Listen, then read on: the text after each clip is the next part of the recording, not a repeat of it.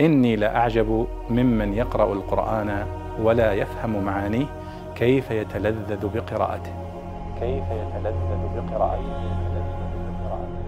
هذا سائل يسأل عن توجيه قوله تعالى في سورة هود في قصة لوط عليه الصلاة والسلام وجاءه قومه يهرعون إليه ومن قبل كانوا يعملون السيئات.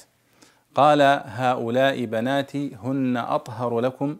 ولوط عليه الصلاة والسلام في هذه الآية يعرض على قومه هؤلاء المجرمين الفسقة أن يزوجهم من بناته بدل أن يقعوا في الفاحشة مع ضيوفه من الرجال. وما كان يعلم عليه الصلاة والسلام أنهم ملائكة.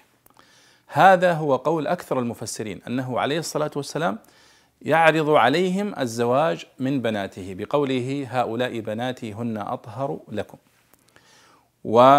وفي هذا منه عليه الصلاة والسلام دفع للمفسدة الأعظم وهي وقوعهم في الفاحشة مع ضيوفه بالمفسدة الأقل وهو تزويج بناته ممن لا يستحقهن من هؤلاء القوم المجرمين.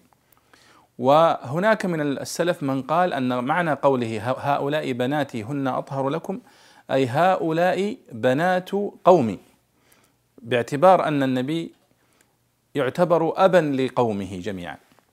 فهذان هما القولان اللذان قيل في تفسير هذه الآية. ولم يقل أحد من المفسرين أن معنى قوله هؤلاء بناتي هن أطهر لكم أنه يعرض عليه الفاحشة ببناته أو وقوع الزنا ببناته. فإن هذا لا يمكن أبدا أن يفعله ولا أن يعرضه نبي من الأنبياء عليهم الصلاة والسلام. فهذا هو توجيه معنى قوله تعالى قول لوط عليه الصلاة والسلام هؤلاء بناتي هن أطهر لكم أي يعرض عليهم أن يزوجهم ببناته زواجا شرعيا. الله أعلم.